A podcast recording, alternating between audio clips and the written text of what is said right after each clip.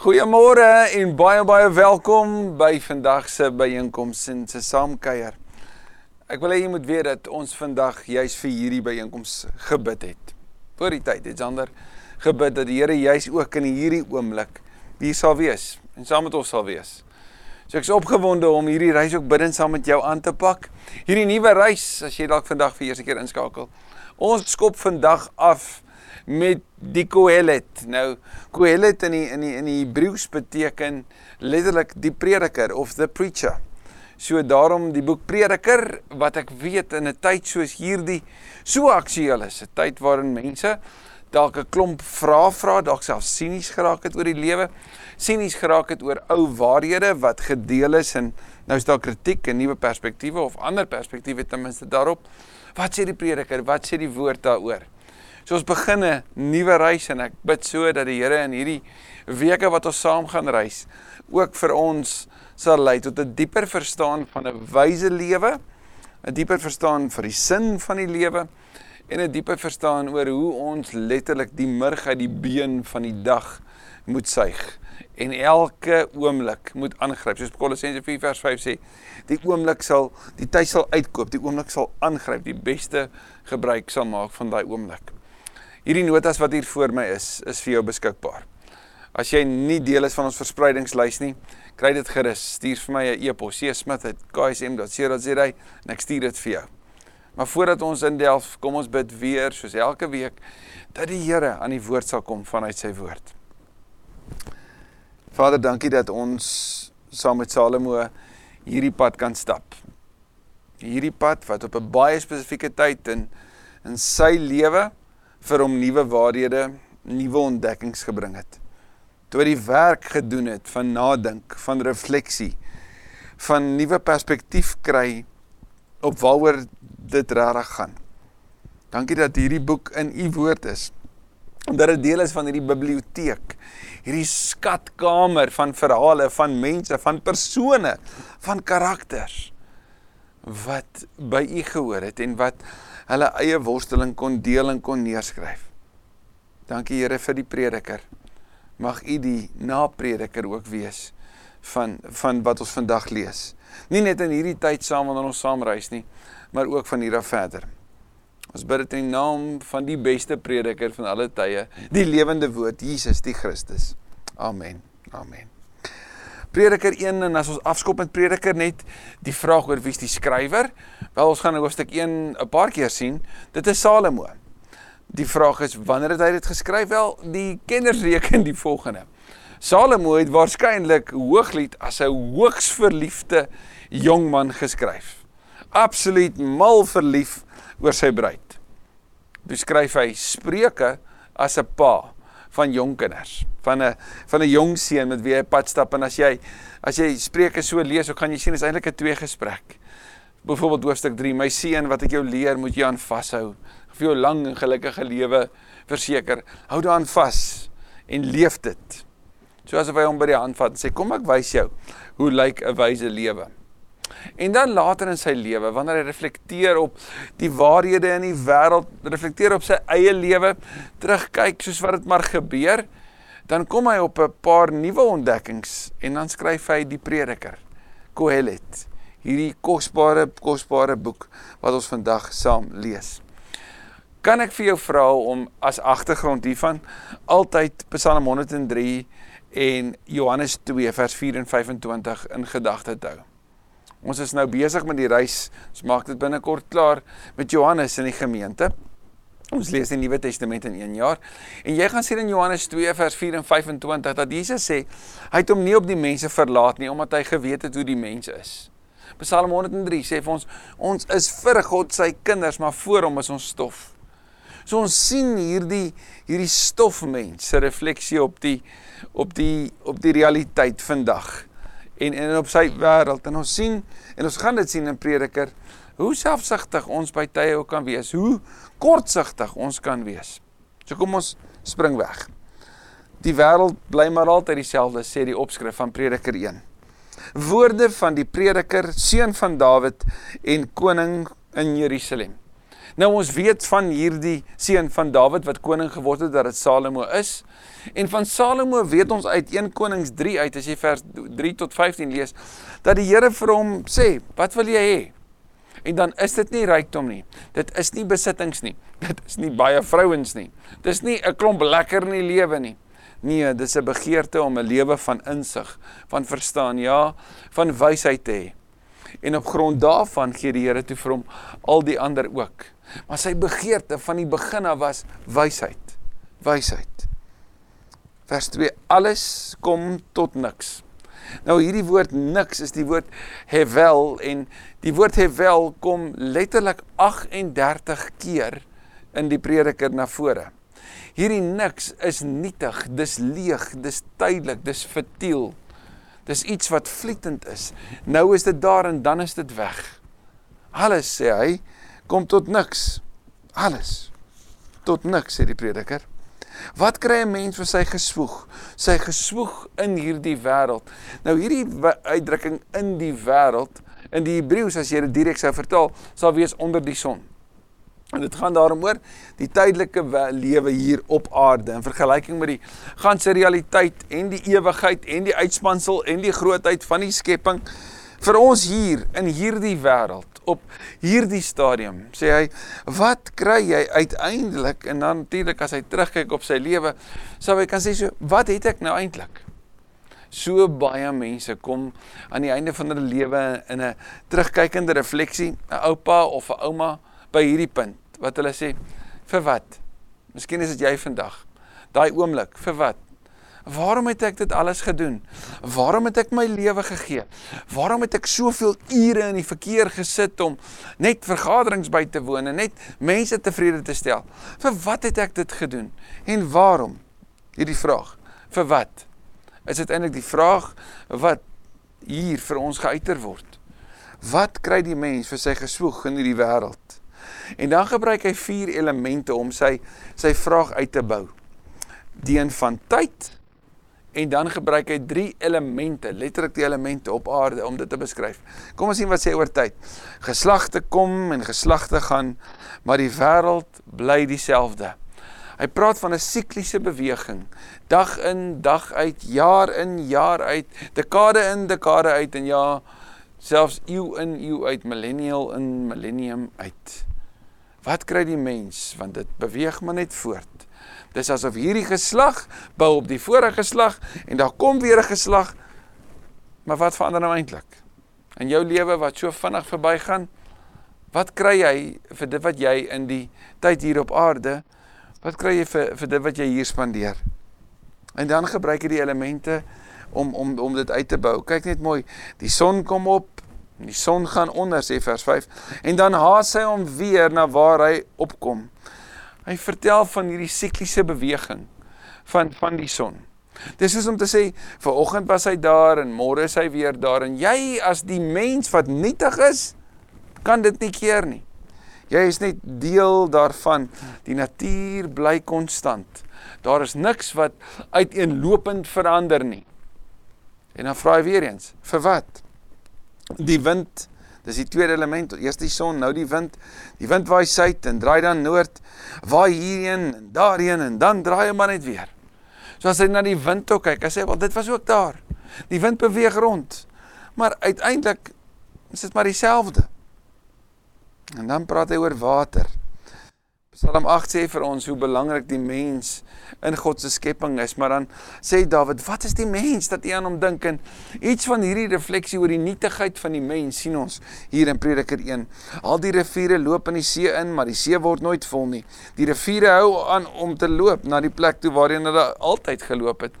So die seisoene verander, die wêreld se siklus gaan voort en niks is anders, niks is niets, niks indrukwekkend wat die mens kan doen wat hierdie proses kan stop nie.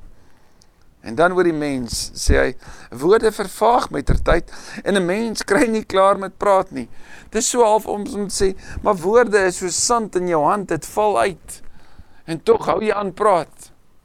Weereens vra hy vir homself, maar wat is die sin van die lewe? Viktor Frankl se bekende boek A Search for Meaning is so 'n goeie antwoord op die die filosofie van sy tyd. Wat gesê die lewe gaan oordink, die lewe gaan oordoen. Dan sê Viktor Frankl nee. Die lewe vir die mens se diepste soeke en worsteling is oor waarom? Wat is die sin hiervan? En hiermee worstel die prediker.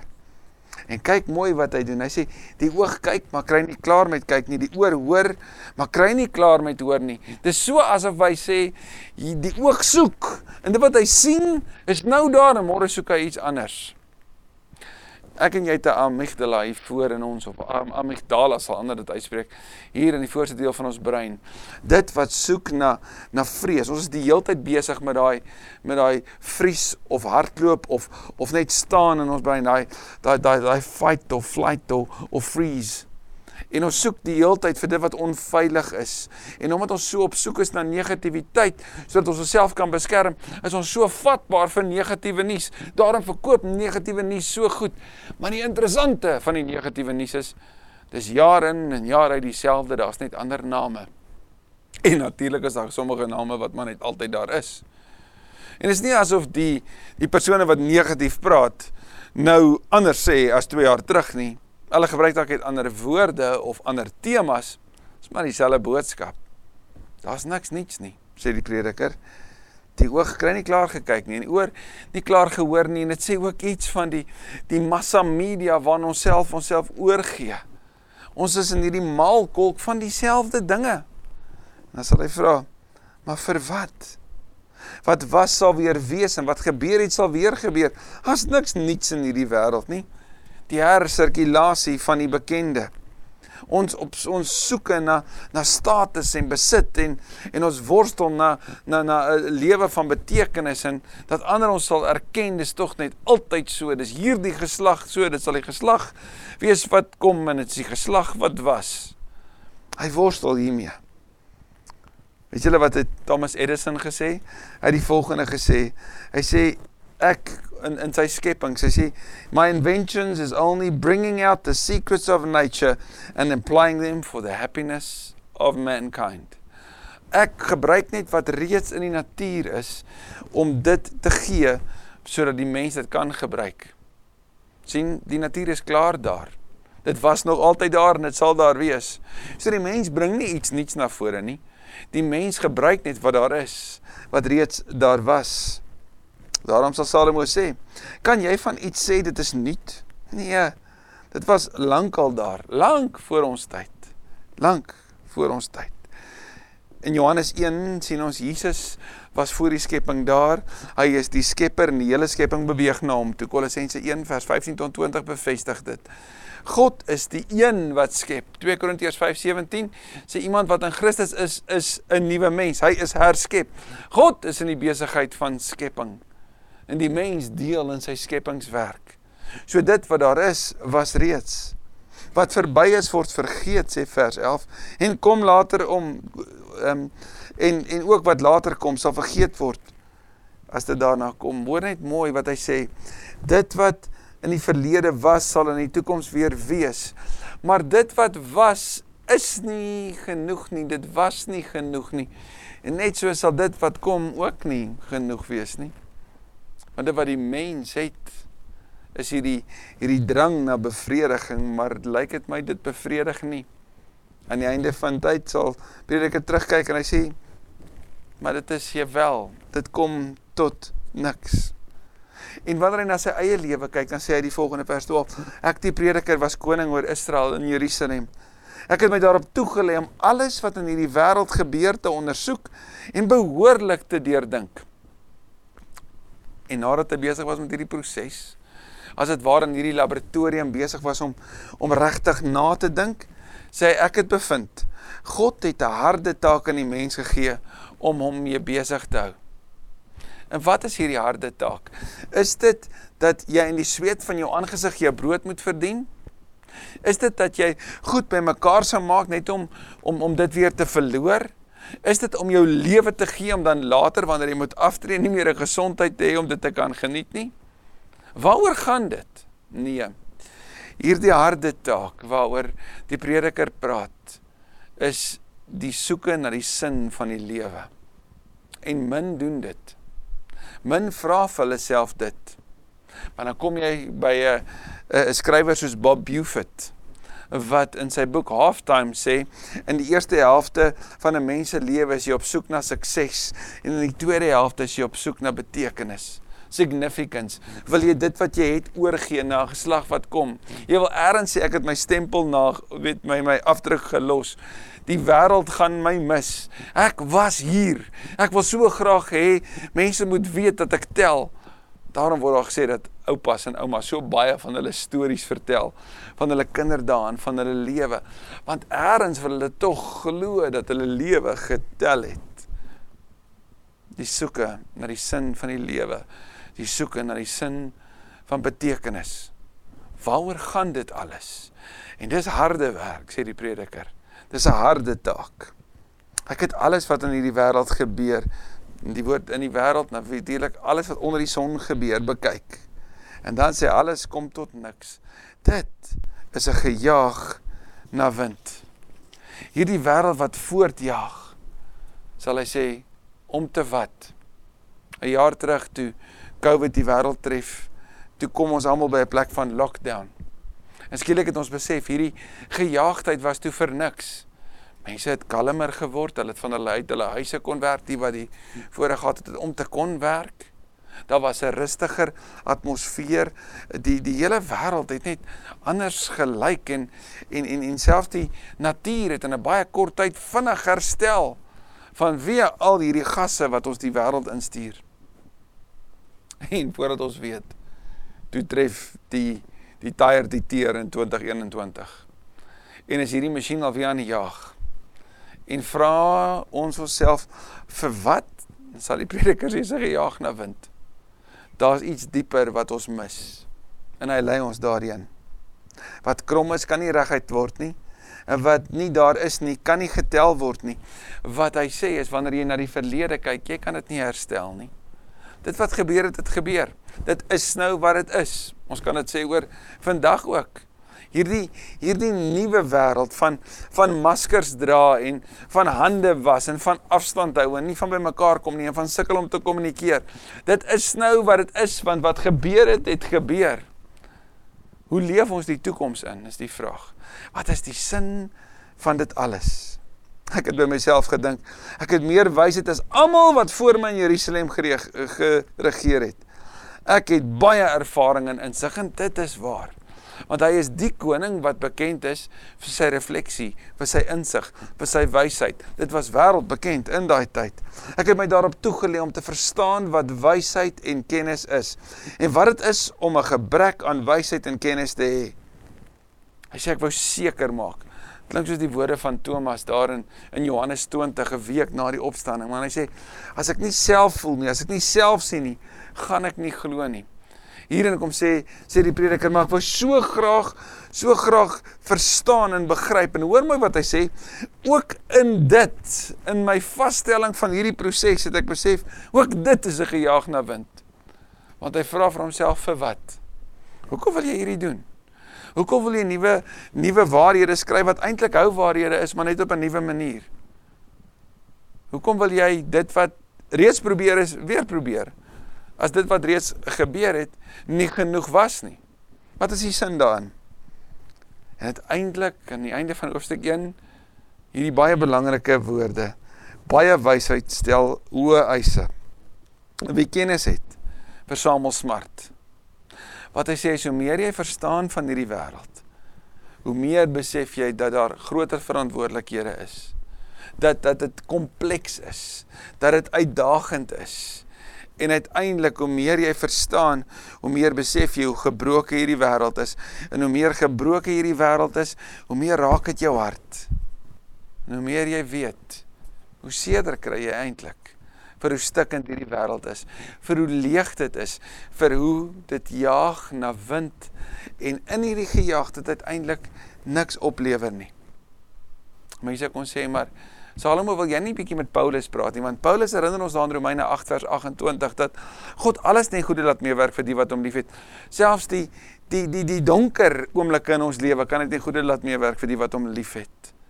Maar onthou mooi, Salomo is op pad na Christus toe. Salomo is voor Jesus. Paulus praat na Jesus. Salomo se se worsteling is oor die sin van dit alles. Paulus wil sê die sin is Jesus, verseker. As ons by Salomo sit, ons dink oor die wysheid van daai tyd.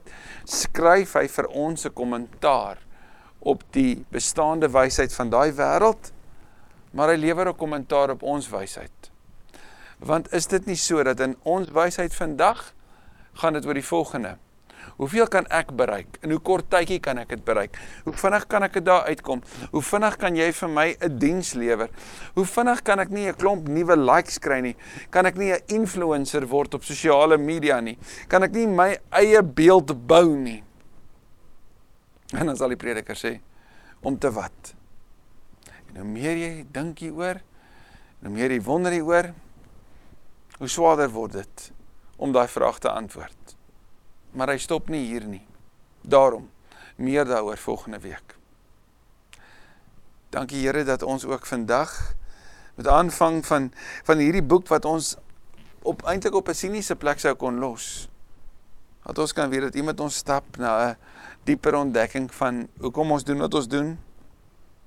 Waarom ons dit wat ons doen so so intens van bewus moet wees en en hoe om daaruit te leef. Here, maar ons moet ook vandag bely dat ons nie altyd die werk doen om die vrae te vra oor waarom ons doen wat ons doen nie.